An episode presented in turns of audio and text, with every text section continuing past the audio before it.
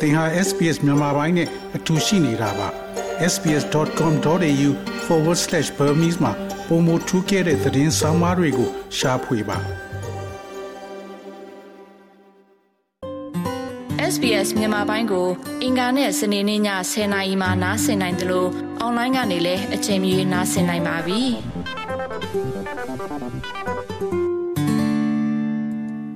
တော်ရရှိမြခင်ဗျာ လေးနှစ်တစ်ကြိမ် Street Child Football World Cup သည်ကမ္ဘာအားနည်းချက်ရှိသောကလေးငယ်တချို့အတွက်အသိပညာပေးတဲ့အဖွဲ့များမှ ရှင်ပြိုင်မှုကိုပြုလုပ်ထားတာကိုမြင်တွေ့နိုင်ရပါတယ်။ယခုနှစ်တွင် နိုင်ငံပေါင်း24နိုင်ငံကိုကိုစားပြုတဲ့28သင်းသည် အောက်တိုဘာလ10ရက်ကနေနိုဝင်ဘာလ15ရက်နေ့မှာစတင်မဲ့ Fever ကပဖလားပြိုင်ပွဲမတိုင်မီကာတာနိုင်ငံတွင်ကျင်းပမဲ့ ပြိုင်ပွဲတစ်ခုဖြစ်ပါတယ်။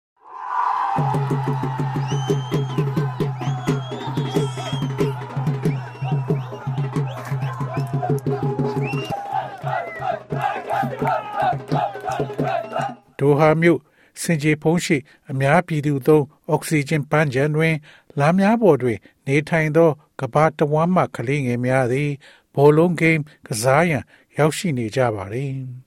အသက်၁၈နှစ်အရွယ်ပါလက်စတိုင်းဒုက္ခသည်အာယဘာယပ်သည် professional ဘောလုံးသမားတူဖြစ်ရန်အမြဲတမ်းအိမ်မက်မဲ့နေတော်လဲ Westpac တွင်သူမရဲ့မွေးရနေမီတာခရန်တွင်ကြီးပြင်းလာကဘောလုံးသည်ယောက်ျားလေးများအတွက်သာဖြစ်ကြောင်းအမြဲတစေပြောဆိုတာခံခဲ့ရပါတယ်။မိသားစုမှခွဲခြားဆက်ဆံမှုများနဲ့စန့်ကျင်မှုများကိုကြုံတွေ့နေရတော့လဲ နောက်ဆုံးတွင် သူမနယ်ပယ်တွင်ရှိဘောလုံးအသင်းသို့ဝင်ရောက်ခဲ့ပြီးယခုနှစ်တွင်ကာတာနိုင်ငံဒိုဟာမြို့တွင် Street Child Football World Cup တွင်ဝင်ရောက်ရှင်ပြိုင်မှာဖြစ်ပါတယ်။ أواجه صعوبات كبيرة اللي من ضمنها اللي هو المجتمع اللي عندنا I face a lot of difficulties. One of them is the society I'm from. The Palestinian people who looked at us and questioned how girls play football.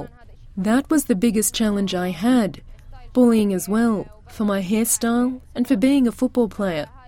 This was a big roadblock in my way. Of course, I didn't stop there. I challenged all of this and went ahead. I insisted on continuing with football, and because of what I've done, I'm here today. Football in general is a key to the whole world. For me, I can have my voice heard, my struggles, my message, and the person.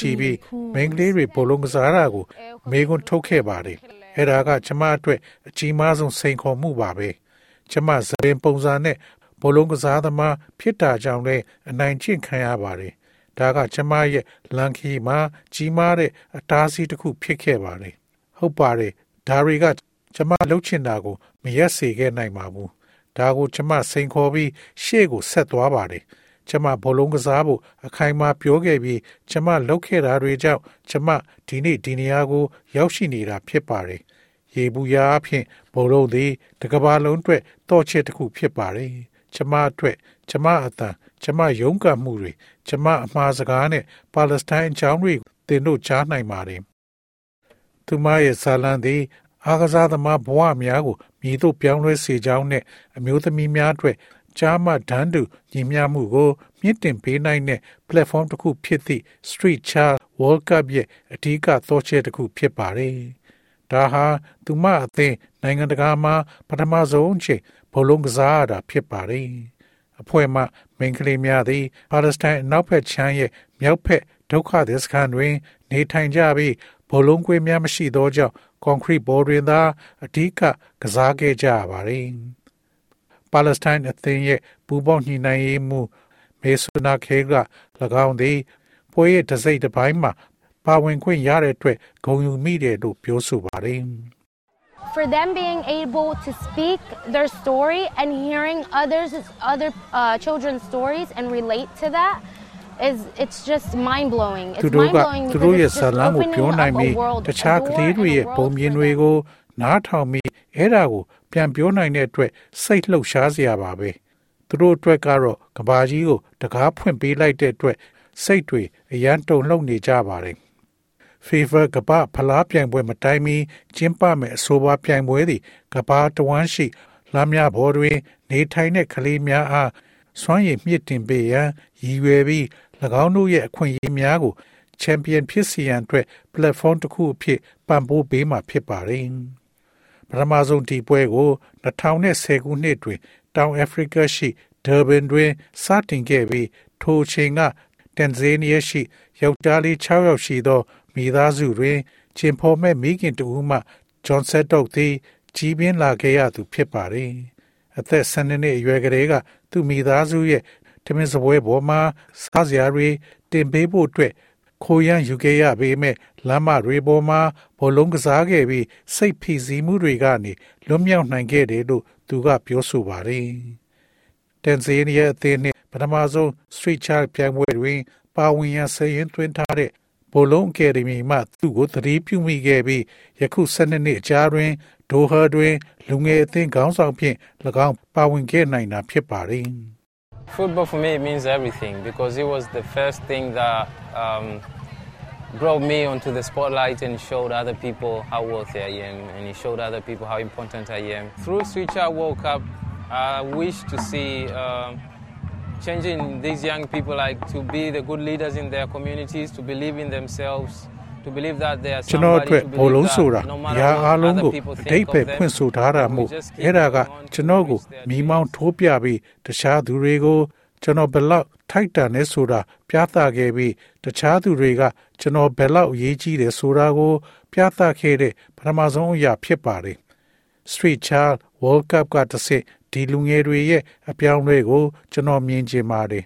သူတို့အတိုင်းဝိုင်းမှာခေါင်းဆောင်ကောင်းတွေကိုကိုကိုယုံကြည်ဖို့ သူတို့ဟာတစုံတစ်ယောက်ဆိုတာကိုယုံကြည်ဖို့တခြားသူတွေဘယ်လိုပဲတွေးနေပါစေ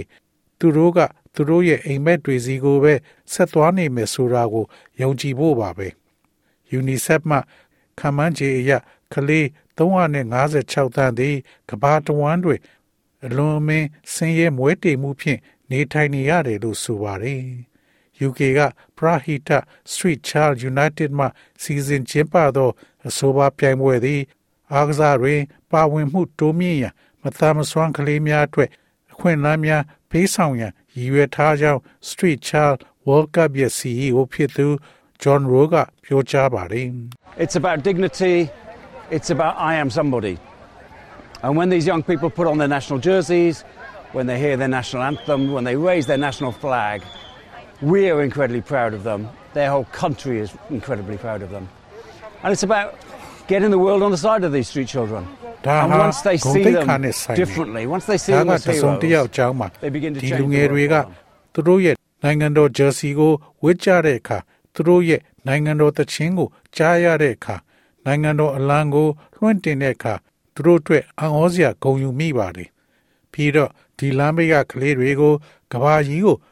သူတို့ဘက်ကိုရအောင်သူတို့ဘက်မှာထောက်ခံအောင်ရယူဖို့အကြောင်းပါ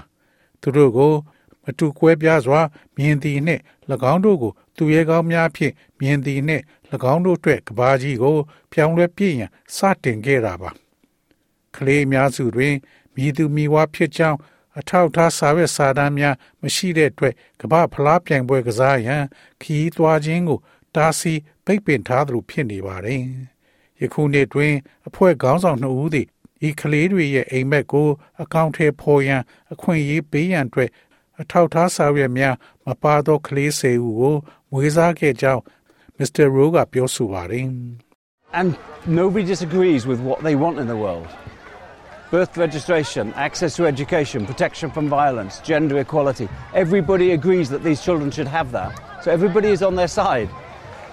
ကဘာပေါ် Our job မှာ is to create a ၎င်းတို့ global လိုချင်တဲ့အရာ platform for their ကို voices to be heard. ဒီသူမှစန့်ကျင်လို့မရပါဘူး။မွေးဖွားမှုမှတ်ပုံတင်ခြင်းပညာသင်ကြားခွင့်အကြမ်းဖက်မှုမှကာကွယ်ခြင်းကြားမှဒန်းတူညီမျှမှုဒါတွေကဒီကလေးတွေမှာရှိသင့်တယ်လို့လူတိုင်းကသဘောတူပါတယ်။ဒါကြောင့်လူတိုင်းကသူတို့ဘက်မှာရှိနေပါတယ်။ကျွန်ုပ်တို့ရဲ့အလုပ်မှာ၎င်းတို့ရဲ့အသံများကိုကြားနိုင်စေရန်ကမ္ဘာလုံးဆိုင်ရာ platform တစ်ခုဖန်တီးပေးရန်ဖြစ်ပါတယ်။ အီဂျစ်သည်ယောက်ျားလေးကဏ္ဍအတွက်ချန်ပီယံဘွဲ့ကိုသူတို့ရဲ့အိမ်ဘောလုံးကွင်းမှာရယူခဲ့ပြီးဘရာဇီးကမိန်းကလေးအသင်းအတွက်ရွှေတံဆိပ်ရခဲ့ပါတယ်။သောရရှင်များခင်ဗျာ SPS သတင်းဌာနက Daniel Robertson ရဲ့ဆောင်းပါးကိုဘာသာပြန်တင်ဆက်ပေးထားတာဖြစ်ပါတယ်ခင်ဗျာ။ sbs.com.au/bemis ကို home နေရာမှာထားပြီးတော့အမြဲတမ်းနှာစင်နိုင်ပါတယ်။ နောက်ဆုံးရသတင်းတွေ၊စောင်းမားတွေနဲ့စစ်တမ်းတွေမှာပါဝင်ပြီးတော့ဆက်သွယ်မှုလုပ်နိုင်ပါတယ်။ sbs.com.au/bemis ဖြစ်ပါတယ်ရှင်။